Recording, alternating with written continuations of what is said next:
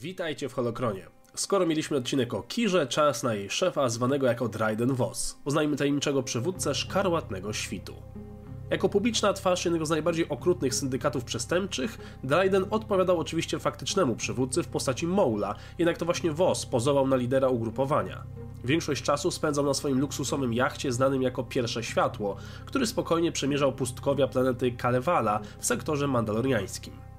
Nasz bohater był półczłowiekiem, który prócz bycia gangsterem miał wyszukany gust co do luksusu, którym się otaczał i pamiątek oraz artefaktów, które zbierał, o których zresztą powiem nieco później.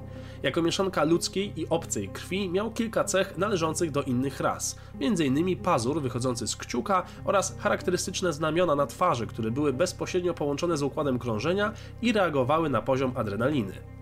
Nosił przy sobie zakodowany datapad z dostępem do finansów oraz specjalną pelerynę ze splotu zakłócającego, który maskował sygnaturę broni. Korzystał z kiłozańskich petarów, czyli specjalnych kastetów z brązium z super ostrymi włóknami węglowymi, które dodatkowo można było pokrywać monomuklearną powłoką elektryczną zwiększającą obrażenia. Na jego palcu znajdował się niepozorny sygnet, będący w rzeczywistości bardzo ważnym skarbem, gdyż dawał on dostęp do zakodowanej bazy danych, dostępnej tylko dla najwyższych rangą sługusów szkarłatnego świtu. Dryden Voss miał usposobienie prawdziwego psychopaty. Zawsze wykazywał się dobrymi manierami, był kulturalny i nierzadko żartował, by zaraz potem podciąć komuś gardło w mgnieniu oka. Był całkowicie nieobliczalny. Gdy zakupił od handlarza niewolników niejaką Kirę, nie wiedział, że wychowa pod swoimi skrzydłami kogoś, kto będzie odpowiedzialny za jego śmierć, ale to oczywiście wiemy z filmu Solo. Podczas oglądania filmu na pewno zwróciliście uwagę na dużą ilość artefaktów, które zgromadził Voss w swoim biurze.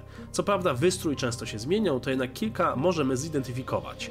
Mamy tam więc m.in. Metagowy szczyt masztu statku Xima Despoty, prawie kompletną zbroję mandalorańskiego Neokonkwistadora, podarunek od Mofa del Sora w postaci Taozinu, błękitny droch z dżungli na Felucji, starożytne mapy i urządzenia nawigacyjne, czy tradycyjny zestaw nogryjskich ostrzy. Ale to nie wszystko, bo znajdziemy tam jeszcze alderańską sferę armilarną, zmumifikowaną dłoń zaginionego króla Duro z sygnetem zawierającym próbki królewskiej krwi, starożytną dataplakietkę z komputera nawigacyjnego, która wskazywać ma rzekomo, gdzie znajduje się zaginiony statek, zwany jako Królowa Ranrun, żywe kryształy z rafy, skrzynie z prochami kanclerza Contispexa I, rakatańskie szkatuły widmowe, posążek tańczącej bogini ludu Godoan, a także całą menażerię zakonserwowanych zwierząt i rzadkich gatunków, m.in. Runipa Stran Mariel.